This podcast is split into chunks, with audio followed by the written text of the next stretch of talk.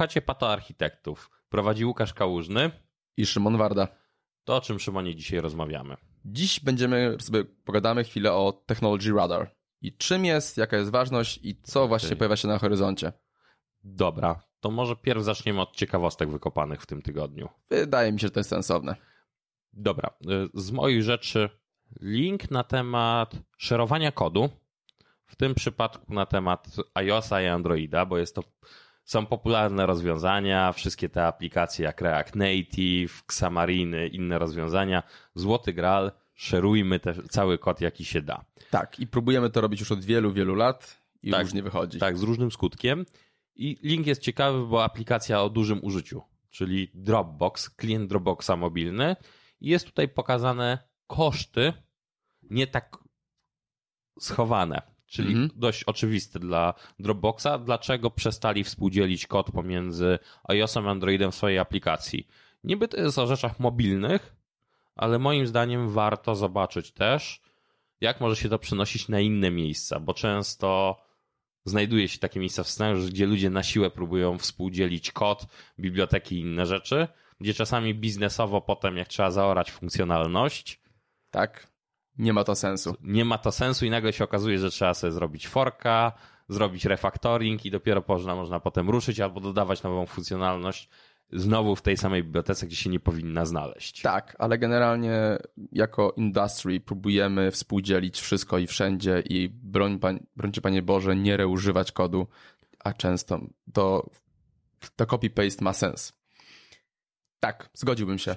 Tak. A co ty wykopałeś? Ja wykopałem, trochę nawiązując do naszych poprzednich odcinków, e, fajny artykuł, gdzie opisywany jest, czemu firma nie zdecydowała się na wejście w Lambda.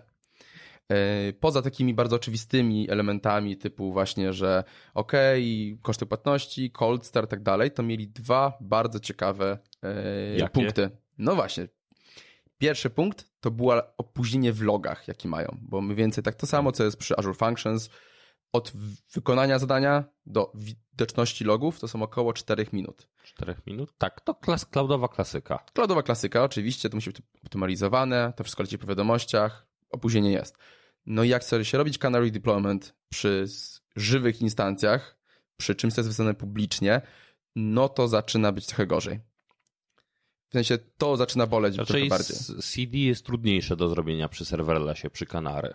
Tak, i ma się to ryzyko, że to że te przez te 4 minuty plus analiza, plus co się dzieje, będziemy mieli stronę niedziałającą. Przynajmniej dla części ruchu. Taką stronę, aplikację. No, tak, dokładnie. E, ale też co było fajne, to jest to ograniczenie, o którym często mało się pamięta. To jest rozmiar paczki deploymentowej. Mhm. I to w AWS jest o tyle wredne, że to jest wielkość paczki deploymentowej i wszystkich wersji, póki się ich jawnie nie usunie. Okay. I tam jest 250 mega, co nie jest tak dużo przy aplikacjach javowych, dotentowych, nawet w Golangu też. Tak, o, w Golangu to oczywiście. No, nawet Node.js, jak ktoś napcha bibliotek, nie wiadomo ile to potrafi być koszmarne. Tak, więc y, ciekawe spojrzenie, ciekawy artykuł na to, czemu firma nie zdecydowała się wejść w Lambda i została przy zwykłych wirtualkach. Niezłe. Okej, okay, tak, ale te wirtualki upraszczają. W wielu przypadkach ludzie, którzy już doświadczali serverlessa i wielu architektor, no mówią zacznij z monolitem i wirtualkami, bo to umiesz zrobić wszędzie. Oczywiście, że tak. Nie ma co lecieć hype trainem. Każdy tool idealnie stosuje się w swojej niszy i tam czego stosować. Nie stosujmy wszystkiego wszędzie.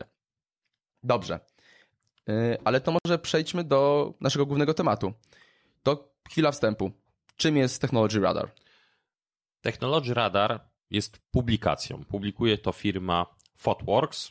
Jest to, wychodzi tak pi razy oko co 6 miesięcy, czyli jakieś dwa releasy tego dokumentu w roku.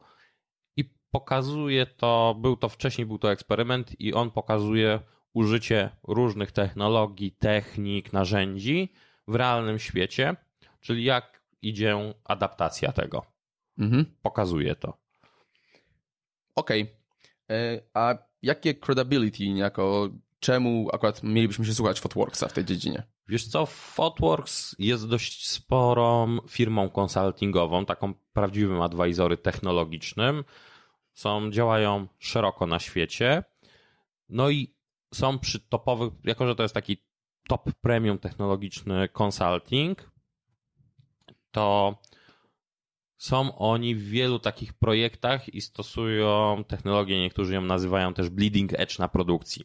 Czyli to, co widzimy na konferencjach, oni się jawnie zastanawiają, czy użyć tego w danych projektach i ten Technology Radar jest tworzony na bazie ich doświadczeń i tego, co się dzieje, czyli łączą doświadczenia z hype trainem, y, z nowymi technologiami, z tym, co jest w stage'u właśnie early adapter albo wchodzi właśnie w mainstream i używają tego i dają swój feedback. Łukasz, ja tak czekam, czekam, aż powiesz najważniejsze zdanie. Czemu mieliśmy się słuchać Fotworksa? Pracuje tam Martin Fowler. I zapanowała chwila ciszy. Tak, zastanawiam się, czy obrażać tego pana, czy nie. Ja go akurat nie będę obrażał, ale nie zgadzam się z nim w wielu rzeczach, a nienawidzę tego, że ludzie go wyznają, a tak. nie biorą go ja myślę, pragmatycznie. Kodził jest bardzo fajnym skrybą, który spisuje wiele rzeczy, porządkuje, to jest jego duża wartość, ale niestety często podejście naszego e, biznesu jest takie, że Fowler napisał, to znaczy, że tak jest i to akceptujemy absolutnie. No i przy okazji tragicznie się go słucha na konferencjach. Nie jest to porywający speaker. Nie oglądam jego prezentacji. Duży plus za diagramy. Lubię je, je używać pokazując klientom, w szczególności te z, od deploymentów. Canary, release'y, inne zrobił bardzo ładnie. Tak, i bardzo prosty blok, który się bardzo szybko ładuje. Dobra, to może Szymon, może teraz powiesz nam, z czego jest zbudowany Technology Radar, jak on wygląda. Jasne. Technology Radar jest pocięty na takie dwie, na dwa sposoby. Jednym to są obszary, które są analizowane i obszary są, obszary są cztery. Techniques, Tools, Languages and Frameworks i Platforms. Techniki, rzeczy często bardziej miękkie, podejścia ideo, ideowe, trochę filozofii, często, jak budować aplikacje, jak do tego podchodzić, jak analizować. Takie rzeczy jak event storming tam się znajduje, DDD i tak czyli dalej. Czyli DevOpsy i inne rzeczy, czyli kultura i podejście. Tak, dokładnie. Toolsy, aplikacje, programy, które nam usprawniają życie. Jakiś przykład? Ty będziesz mówił o fajnych rzeczach typu właśnie e, typu karate, będziemy mówili o rzeczach postmany, będziemy mówili o aplikacjach tak naprawdę. Czyli ten narzędziowość wokół tego, co robimy tak. przy systemach. Dokładnie. Languages and Frameworks czyli języki, to co możemy ściągnąć jako zależność, DLL-kę, binarkę, pakiet nugatowy i tak dalej, tak dalej, tak dalej. Albo w tym napisać. Albo w tym napisać, tak, korzystając właśnie w kontekście, w kontekście języka. I na koniec platformy, czyli duże systemy, w które wkładamy nasze aplikacje i to po prostu działa. No nie po prostu. No to różnie bywa generalnie, jeżeli chodzi o adopcję, ale powinno działać. A drugi obszar, bo mówiłeś, że są pocięte na dwie rzeczy. Tak. Drugi obszar to jest jak dojrzała jest technologia i jaki jest zalecane podejście. I tu mamy kilka. Adopt, najbliższy, czyli najwyższa pora, żeby z tym ruszyć, używajcie. Okay. Trial, przydałoby się wypróbować, jest to dobry moment na zrobienie takiego okay. konkretnego POC, może nawet MVP tak naprawdę. Dalej, coraz bardziej ryzykowne, assess, czyli spójrz, zobacz, czy tam jest wartość i pomyśl bardziej tak naprawdę. Czyli tłumacząc, oceń. Tak, dokładnie oceń. I na końcu jest hold, na bazie ryzykowny, gdzie Fotworks mówi na razie z tym wstrzymajcie się, ryzyko korzystania jest zbyt duże, wartości tam nie do końca czyli, widzimy. Czyli dla nowych projektów na pewno zastanów się trzy razy, zanim to użyjesz. Tak, dokładnie. Czyli to będzie taka już taka czerwona lampka w kontekście, czy, czy na pewno chcemy tam iść. Dobra. To czemu byś powiedział, że ten Fotworks tak naprawdę technologii radar jest ważny, istotny i czemu dzisiaj o nim rozmawiamy. I z nim jest kilka rzeczy. Jest pewien standardem rynkowym. E, to, co ty mówiłeś na starcie, że Fotworks stara się zrobić takie, takie zachowanie, że odcinają hype train, odcinają to, co jest na konferencji i po prostu wydają dobrą publikację, która jest twórcza i która bazuje na ich użyciach. I to, to ma wartość tak naprawdę. Co więcej, wyznacza pewien trend na rynku. E, cały jako, jako technology jest narzędziem w byciu architektem tak naprawdę, jednym z wielu. Ale no, o roli architekta chyba to będzie zasługiwało na zupełnie osobny odcinek. Chyba tak. Tak, więc tu nie rozwijajmy się, jest to narzędzie, które powinno być w arsenale każdego architekta. Tak, czyli sposób poznawania tak, nowych rzeczy. Poznawania oceny, oceny ryzyka, bo to często się do tego sprowadza. Dobra, to po wstępie może przejdźmy do mięsa. Najwyższy czas. Tak to na pierwszy rzut zrobimy Languages and Frameworks. No i pytanie, co wybrałeś, Szymonie? Ja wybrałem coś, co jak zobaczyłem, aż mi się serducho uśmiechnęło, Apache Beam. I on akurat występuje w trialu, czyli całkiem można oceniać, można korzystać jak najbardziej. Dobra, to bardzo krótko. Czym jest Apache Beam? Jakbyś mógł to streścić jednym, dwóch zdaniach. To nie będzie łatwe, ale postaram się. Jest zunifikowanym API do definiowania pipeline'ów dataflowowych. Okej. Okay. Dobra, to teraz wejdziemy teraz głębiej, zanim pójdziemy w Bima. Będziesz drążył. Tak, będę drążył. Powiedz, czym są pipeliny i czym są data flowy, bo to są takie dwa pojęcia wzięte. Mamy pipeline, czyli znowu jakiś przepływ i data flow, znowu jakiś przepływ. Gdybyś mógł to tak. rozbić i powiedzieć, o co w tym chodzi. Jasne. To fajnie się tłumaczy na przykładzie audio które będziemy obrabiali niedługo. Jak mamy strumień audio, to pierw musimy to znormalizować, wyciąć, y, czyli mamy strumień danych, który jest niejako ciągły z punktu widzenia aplikacji mm. i ma kolejne kroki, które na tym strumieniu operują, tak naprawdę grupują, y, modyfikują ten strumień. Więc do tego tak naprawdę. Dzięki temu możemy budować taki, możemy zdefiniować jeden przepływ, a potem w ten zdefiniowany przepływ po prostu wrzucamy tylko dane, czyli rozdzielamy wykonanie od definicji, jak to powinno być wykonane tak naprawdę. Okay. Więc tak, to jest podejście, które się bardzo fajnie sprawdza w kilku zastosowaniach i naprawdę działa duż, dobrze przy dużej skali, e, przy systemach batchowych, ETL-owych i tak dalej. Czyli dobra, jeżeli dobrze zrozumiałem, to bierzemy strumienie danych i rozdzielamy tą logikę biznesową i mhm. te równoległe wy wykonanie, czyli możemy to porozdzielać te dwie rzeczy. Tak, to jest bardzo fajne mm, podejście dataflowowe jest takie, że rozdzielamy to, co, jak, co byśmy chcieli zrobić, od tego, jak to zostanie wykonane, jak to zostanie zrównoleglone. I to jest bardzo, bardzo fajny feature y, dataflowowego programowania, że jest stworzony z myślą o bardzo wysoce równoległych zachowaniach, właśnie streamach, wideostreamach, ETL-ach wszelkie maści i po prostu działa ładnie. Dobra, to jak powiedzieliśmy, czym są te dataflow i pipeliny, to czym jest sam Apache Beam? Okej, okay, Apache Beam z punktu widzenia dewelopera tak naprawdę jest to API. API zbudowane, e, które jest dostępne i zbudowane zostało w Golangu. API jako takie występuje w, dla Java, Golanga i dla Pythona. Z punktu widzenia dewelopera to jest po prostu piszę kawałek kodu, że tu wchodzi wejście, potem zrób to, to, to, to. W tym miejscu zaczeka na dany krok i definiuje ten przepływ. I teraz Czyli... co się dzieje dalej? To jest odpalając aplikację mówimy, ok, to mój przepływ, wykonaj na różnych runnerach. Na przykład można wykonać to na, yy, na, na Flinku, można wykonać to na Google Cloud Dataflow. Na bardzo, bardzo wielu runnerach po aplikację, wykonaj. Czyli to jest troszkę mam próbuję sobie zdefiniować. To jest bardziej kawałek biblioteki, platformy do orchiestracji. Jak to wygląda z poziomu takiej implementacyjnej? Bo jest to trochę pomieszane teraz. Jest pomieszane, bo zaczęło się od pomieszania. Zaczęło się w ogóle od tego, że y, Google Cloud Dataflow opublikował swoje API, przekazał, przekazał pomysł w ogóle i papier jako taki do Apache'a i na podstawie tego inni też prowajderzy do dataflowowych rozwiązań dodawali swoje API. Więc tak naprawdę to się stworzyło się z punktu widzenia programisty jest to API, z punktu widzenia osoby, która wykonuje to, jest to DLL, którą można uruchomić na bardzo wielu platformach, tak naprawdę. Okej, okay. dobra. To czemu to wybrałeś? Czemu wybrałem? Y, ja mam styczność z dataflowym programowaniem już od kilku lat. W moim pobocznym projekcie Cookit uratowało mi e, dużo, dużo czasu. Nawet, nawet nagrywałem e, już kurs dla Pluralsighta o programowaniu dataflowowym jest to bardzo dobre rozwiązanie do wysoko równoległych zastosowań i fenomenalnie rozdziela logikę biznesową o takiej infrastrukturalnej, czyli jak to zostanie wykonane.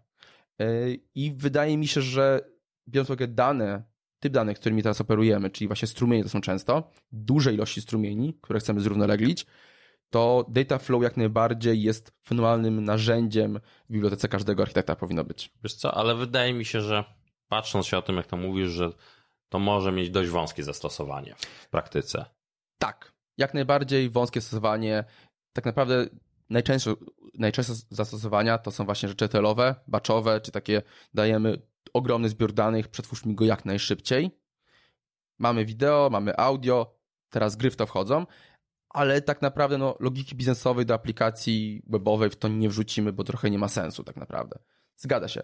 Wąskie stosowanie nie będę się kłócił, bardzo dobrze tą niszę zapewniającą. Dobra, bo rozmawiamy o czym, czym jest, do czego służy, a jakie widzisz zalety albo wady tego? Ja mam bardzo mieszane uczucie, jeżeli chodzi o decyzję, którą podjęli, bo Apache Beam jest, jest elementem wspólnym dla API, ale też daje możliwość definicji kroków specyficznych dla konkretnego runnera. I to jest takie trochę brak, brak podjęcia decyzji, bo z jednej strony mamy wspólne API, ale z drugiej strony możemy tam narzucać rzeczy, które się na konkretnym runnerze nie uruchomią.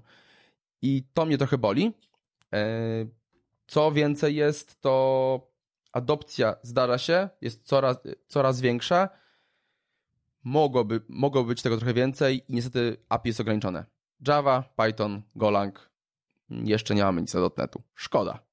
Okej. Okay. Nie myślę powiedzieć właśnie z tym, czyli przydałoby się, żeby uwspólnili troszeczkę API. Żeby decydowali się tak, żeby to jednak był standard rynkowy i żeby się tego trzymać, a nie tu mamy wydmuszki i możemy zrobić w różnych i coś, co jest przenośne w teorii, okazuje się nie być przenośne. Okej. Okay. Tyle. A Łukaszu, co ty wybrałeś? Karate, które jest teraz w statusie ASES, czyli oceń. Dobra, to znowu w dwóch zdaniach, teraz ja cię challenge'uję. Czym jest karate? Narzędzie do testowania API, które bazują na HTTP. Okej, okay, brzmi nieźle. To rozwij myśl, coś więcej. Dobra. Mamy teraz bardzo duża część tego, co wytwarzamy teraz, w szczególności w backendzie, to jest restowe API. Głównie tak. Tak, głównie restowe API, w szczególności ten styk e, z frontem. Tam nie są generowane żadne eventy, ale z pierwszą warstwą łączymy się poprzez jakieś API na bazie HTTP, hmm. nie zawsze restowe. No i Karate jest to narzędzie, które powstało właśnie do testowania takich API, bo w mojej definicji wolę testować API niż pisać masę unit testów innych rzeczy, bo potem w ten sposób możemy to zaakceptować. Jeszcze w szczególności, kiedy mówimy o częściach integracyjnych, kiedy wystawiamy komuś coś na zewnątrz, to fajnie jest napisać takie scenariusze, no i karate właśnie to implementuje. Okej, okay, ale zanim przejdziemy do tego, że warto testować, a warto mhm. testować, to jakaś różnica między tym, co już istnieje na rynku, bo istnieje parę narzędzi. Tak, wiesz co, to nie przekanuje bajecznie prostą składnią, czyli ona nie Dobre. jest, ma, jest to może, gdzieś może uznać możemy to za wadę, ale może też być to zaleta, bo ma właśnie własną składnię, własny język opisu, który jest bardziej zbliżony do języka naturalnego, nie jest programowaniem. Czyli weź mi to, wywołaj mi ten endpoint i sprawdź. Więc... To brzmiałoby tak, że potencjalnie może być używane przez ludzi mniej technicznych, testerów i tak dalej. Tak, czyli może być to bardzo fajnym punktem wejścia dla ludzi, którzy wchodzą w automatyczny testing, czyli z takiego klasycznego testera przechodzi tą ścieżkę, kiedy się uczy, że tak powiem, fachu automatyzacji i staje się tym tak zwanym programistą testów albo testerem automatycznym, więc to jest narzędzie, które pozwala to wprowadzić. Następnie widzę zaletę, że właśnie powiedziałem, że to jest do testowania świadomie HTTP, ponieważ natywnie w tej swojej składni wspiera JSONy, GraphQL, XML, niestety, ale są. Sporo systemów dalej bazuje tak, na XML-ach. Tak, bazuje na XML-ach i są. I tak samo y, każde testowanie każde testowanie HTTP API, czyli czy to będziemy mieli RESTfula, czy coś, co napiszemy sobie w stylu y, RPC, będzie testowalne i możemy zwracać te wartości właśnie czy to w XML-u, w JSONie możemy sobie sparsować ten tekst i przekazać go dalej. Czyli możemy sobie wziąć, napisać, że chcemy z tego responsa, wybierz mi trzeci element z tablicy, jeżeli jest i weź na przykład pole ID czy name i sprawdź zawartość i rzuć wyjątkiem, jeżeli nie ma. Okej, okay, okej, okay. tutaj widzę, że hypujesz, hypujesz, hypujesz, ale pewnie świat nie jest taki różowy. Jakieś wady? Wiesz co, pierwsza jest to Java. Uuu. Więc tak, więc jeżeli sobie popatrzymy na runnery i inne zabawki toolingowe, no to taką dużą wadą dla mnie, jak popatrzyłem na to, że jest, wziąłem tool, że Java i sprawdziłem, na szczęście jest binarka. Czyli, to jest duży plus. Czyli możemy, jeżeli chcemy, to możemy zapiąć go do swojego toolingu w postaci binarki. Nie trzeba używać Java, bo pierwsze co zacząłem sprawdzać w technologii radar, karate, testowanie API. Sprawdźmy, bo z tym są ciągle problemy. I pierwsze chciałem od razu to skreślić przed Java, no ale jest pojedyncza, jest pojedyncza binarka. To była taka naj, największa wada. I drugą, troszkę mniejszą, no to jest kolejny własny język opisu, ale tego nie przeskoczymy. ale nasz cały środowisko tworzy kolejne języki i rozwiązuje problemy dodając nowe rzeczy, także chyba się z tym musimy pogodzić. Dobra, ale tak mówimy sobie, mówimy, ale został nam taki słoń w pokoju, o którym trzeba powiedzieć. Standardem rynkowym stał się Postman. Chciał lub nie chciał. No to jak się ma karate? Czemu karate, a nie Postman? Jak się ma karate do Postmana? Dobra, to Postman dla mnie jest od strony deweloperskiej, od stacji dewelopera czy testera. Okej. Okay. Ponieważ ma ładne GUI, te kolekcje można szerować, ma cały tooling do współdzielenia. Prosty start. Tak, prosty start, ale nie oszukujmy się, po tym jak skomitujemy ten kod, przydałoby się w tym wspaniałym świecie, nowoczesnym, wspaniałym świecie, przydałoby się, żeby to CI i CD robiły testy. No i potem, jak zrobimy sobie taką kolekcję piękną w Fosmanie, skomitujemy ją do repo, to jakiekolwiek merge czy inne narzędzia są straszne. W teorii jest sobie coś takiego jak w dokumentacji od Postmana version control for collection, tylko czemu ona pokazuje tylko i wyłącznie pracę na Postmanie? Tak, raczej Czy... no, może dodajmy jeszcze czemu na Postmanie jest tak ciężko merge'ować. Jest to ogromny plik JSONowy, tak. który nie jest idealny do merge'owania, jak każdy zauważył i on jest przygenerowany tak naprawdę za każdym razem przez tak, Postmana. Tak, dokładnie i to jest dla mnie problem. Oczywiście dostanę, ktoś ze słuchających mógłby zrobić nam teraz wrzutę, jest sobie Newman w Postmanie. Tak. Jako tam biblioteka NPN-owa, ale znowu kolekcje muszą zostać nakarmione JSON-em, więc taka czytelność w repo, co się tam wydarza, dla mnie jest średnia i merge'owanie. Postmana sam używam i będę używał, bo jest świetny do szybkich testów, czy do manualnych testów innych rzeczy, czy odpalania jakichś konkretnych apps jest super wygodny. Do automatyzacji karate mnie o wiele bardziej przekonało. Tak, dodajmy jeszcze to, że jest issue o tym, żeby móc odpalać i lepiej merge'ować e, konkretne funkcje z różnych kolekcji, ale trzeba tego powiedzieć ostrożnie, bo jest wersja płatna, która właśnie wspiera głównie merge'owanie i pracę w grupie. Tak. Także y, plus karate za to, że jest stworzony do pracy w grupie, tak chyba też zostanie. Dobra. Przejdźmy do toolsów. Tak, przejdziemy do toolsów. Nowy obszar. Dobra, to ja mówiłem o swoim toolingu, więc teraz twoja kolej. Co wybrałeś? No, oczywiście ja tutaj zobaczyłem Terraforma, to nie mogłem nic innego wybrać. E, dodajmy, że Terraform jest wersja adopt, czyli najwyższa pora zacznijcie używać i ja się z tym bardzo zgodzę. Nawet może za późno, żeby się zastanawiać, to, już, to po prostu już trzeba mieć. Dobra, to na pokrótce. Czym jest Terraform? To będzie trudne, ale postaram się. Terraform jest open source'owym narzędziem do orkestracji tworzenia infrastruktury aplikacyjnej, tak zwane infrastructure as code.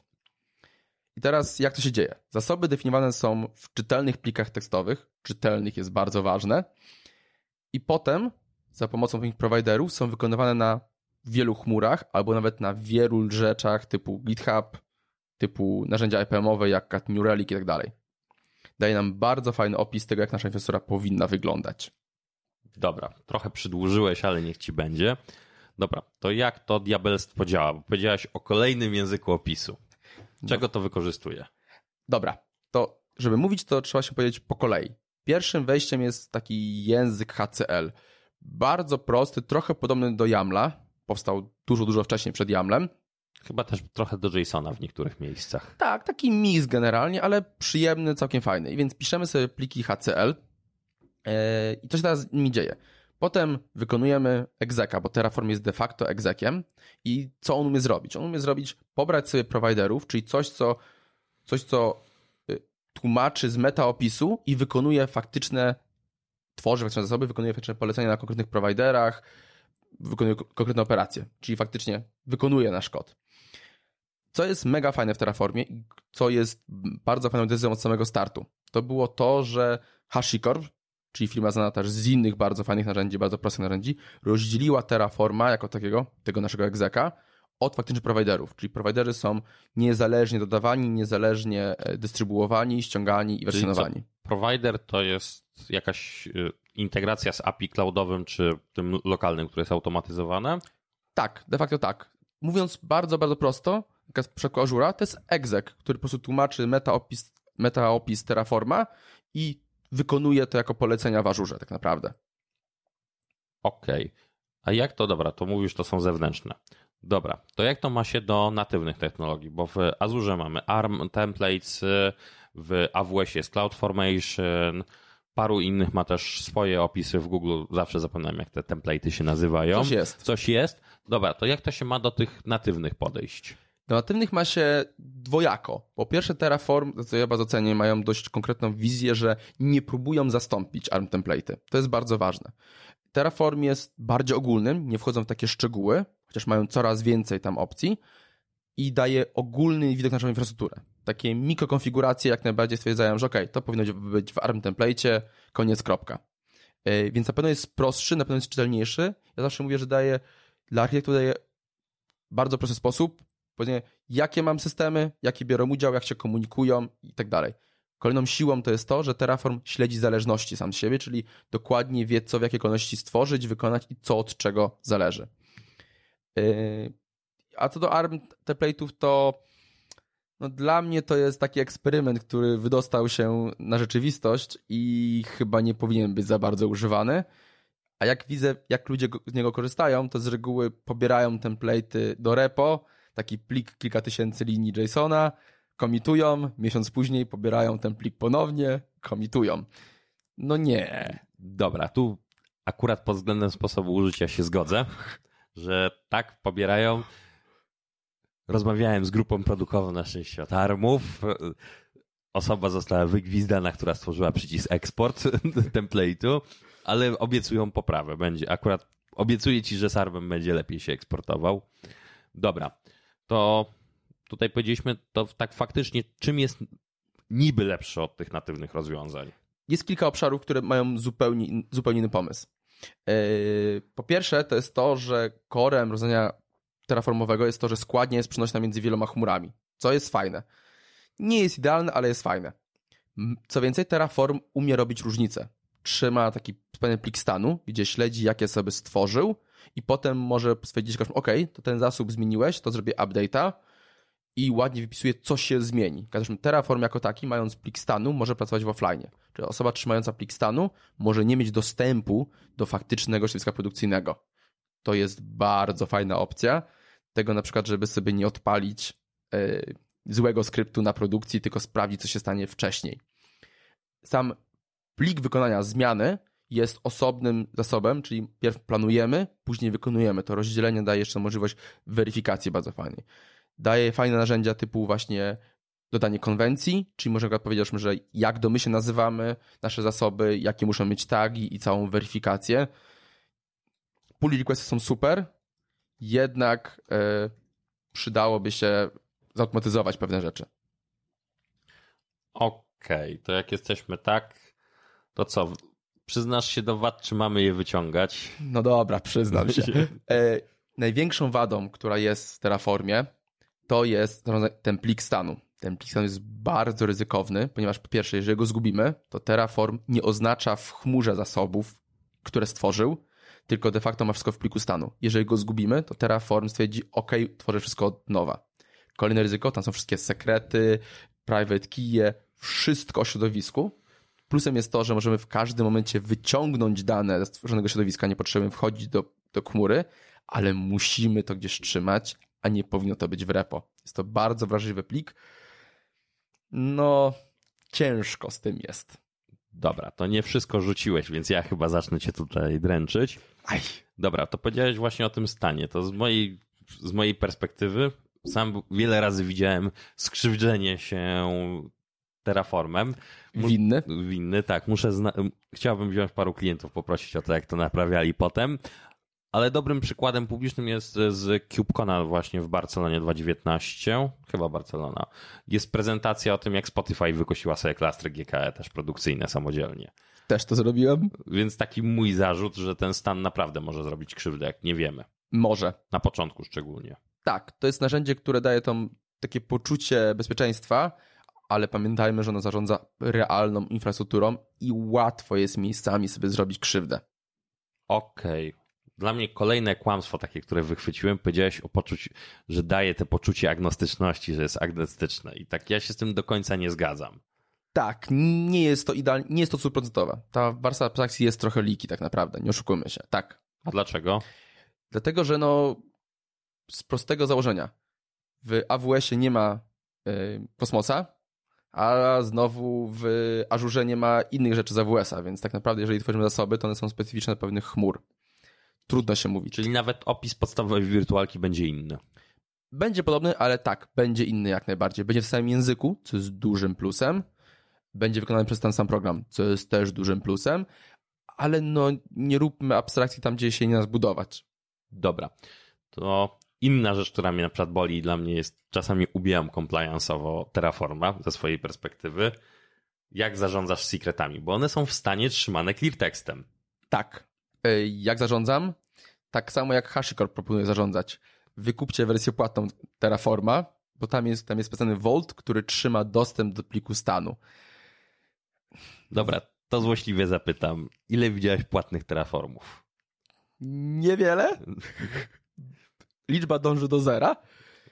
Da się korzystać, jest to trudniejsze, jeżeli chodzi bez Volta, no ale jeżeli to będzie duże użycie, ja bym się pokusił. Okej, dobra, to inną taką rzeczą, to z, z mojej prywatnej już perspektywy, kiedy Mhm. tego używałem przy jednym z side projektów, niektóre moduły, mimo że to będzie akurat do Azura, ale pewnie zaraz y, da się wykopać dokładnie te same objawy dla innych cloudów, w teorii te same usługi, które bazują na tych samych usługach, mają różne konfiguracje. Ja tutaj myślę o Azure Functions i App Service, bo dokładnie to jest to samo API pod To samo. spodem, a są dwa moduły, które implementują dwie różne rzeczy. Ja się myślałem, że się zamorduję, nawet miałem ochotę przemerge'ować kod i wtedy to odkryłem, żeby zrobić pull requesta, że w jednym jest course obsługiwany konfiguracja course'a, w drugim nie i okazuje się, że moduły są napisane zupełnie oddzielnie. Tak. Z perspektywy Terraforma tak naprawdę, kogoś to używa, ty wiesz o tym, ja o tym wiem, że to są de usługi bazujące, hostowane na tym samym. Ponieważ Terraforma to są usługi osobne. To jest pewne podejście, jakie oni mają do usług w chmurze. Każda usługa jest osobno i się tego trzymają. Plusem jest to, że usług, nie ma jakiegoś dziwnego dziedziczenia, że jak provider zmieni tą usługę, to nagle będziemy musieli się ze wszystkiego wycofywać. Minusem jest to, że faktycznie musimy utrzymać nagle dwa moduły. Kwestia podejścia. Okej. I taka ostatnia rzecz, to jest najbardziej mnie wkurzała jeszcze po byciu kiedyś adminem, jest wolny i to czasami cholernie wolny. tak jest dużo szybszy niż klikanie w portalu. Klikanie tak, ale często wolniejszy od natywnych automatyzacji. Tak, może być. Dla mnie plusem jest to, że ładnie czeka i faktycznie widać stan i output konsoli jest bardzo, bardzo dobry. Dobra, nie będę ci już więcej męczył. Jest! Dobrze, to teraz pora na odwdzięczenie się. Łukaszu, co ty wybrałeś? Trafika, który jest w trialu, czyli przetestuj. Dobra, dobra, zanim się rozpędzisz. Dwa zdania. Co to jest? Dobra, to lecimy buzzwordami. To jest Cloud Native Edge Router. Jak, O jak, jak sobie mówią, jest to, czyli open source'owa technologia do reverse, do bycia właśnie reverse proxy load balancerem. Dobrze, to teraz trochę pobazwordowałeś. Rozbij, rozbijmy te pojęcia, których użyłeś. Czym jest reverse proxy? Czyli reverse proxy jest to przepisywanie naszych requestów, które lecą. W tym wypadku najbardziej popularnych, czyli HTTP. Czyli coś wchodzi, coś wychodzi. Okej, dobra, prosto, czaję. Czym jest Edge Router? Edge Router albo niektórzy powiedzą API Gateway, czyli tym, co jest na styku wejścia do naszego systemu aplikacji, czyli w ten sposób, jak ją wystawiamy. Stąd te funkcje można powiedzieć, że kiedy łączymy sobie load balancer, reverse proxy i parę innych zabawek, możemy właśnie wtedy, wystawiamy to na froncie, możemy nazwie, nazwać to ładnie edge routerem aplikacyjnym albo inaczej API gatewayem, ale panowie chyba chcieli się tutaj, panie, wyróżnić. Tak, dodajmy jeszcze, że często reverse proxy jest ubrane wewnątrz systemu, żeby zapewnić takie trochę service discovery i żeby zapewnić rutowanie między requestami, żeby to działało tak, ładnie. niektórzy tak przekombinowują. Tak. Dobrze. To czemu powinienem użyć? Największa zaleta przy dzisiejszych tworzonych systemach mówią, że integruje się z konteneryzacją i on faktycznie ma dobrą integrację z Kubernetesem, ze Swarmem, z Mezosem. To jeszcze żyje? Tak, jeszcze żyje, ostatnio dotykałem, bo dłuższa historia. Więc faktycznie integruje się z tą konteneryzacją. Znowu ma przyjemną konfigurację, chyba HCL, akurat nie powiem z głowy, ale składnia chyba jest HCL-kowa właśnie konfiguracji. Następną rzeczą ma metryki z pudełka. Liczy metryki z pudełka i wystawia je. Dla mnie to jest duża zaleta. Konieczność w obecnym czasie. Tak, wbudowany load balancing rozsądny. też w Kubernetesie, czyli łączy się, bez, wykrywa instancje i bezpośrednio do nich load balansuje, pomijając e, round robin kubernetesowy w środku klastra, więc to jest bardzo fajnie działające. Ma wsparcie dla Let's Encrypta, czyli jeżeli już coś wystawiamy na świat, prosto setupuje się właśnie SSL, ponieważ automatycznie wystawia nam certy, co uważam za zaletę, bo w dużej ilości backendów teraz w szczególności przy nowych produktach nie ma sensu kupować tych certyfikatów, można użyć po prostu automatycznie wydanego Let's Encrypta. I znam wielu ludzi, tak, którzy korzystają na produkcji. A nawet jeżeli kupujemy, to do, do środowisk testowych, devowych, to umożliwia nam nie przejście przez tą całą infrastrukturę, biurokrację danej organizacji, tylko po prostu Let's Encrypt i lecimy, mamy HTTPS-a. Tak, tylko ta gwiazdka, że wtedy, kiedy robimy rzeczy, które są wystawiane publicznie, to potrafi być problemem. Ma prosty circuit breaker wbudowany w sobie. Tak. To ma wada, zaleta, będziemy się o tym kiedyś kłócić.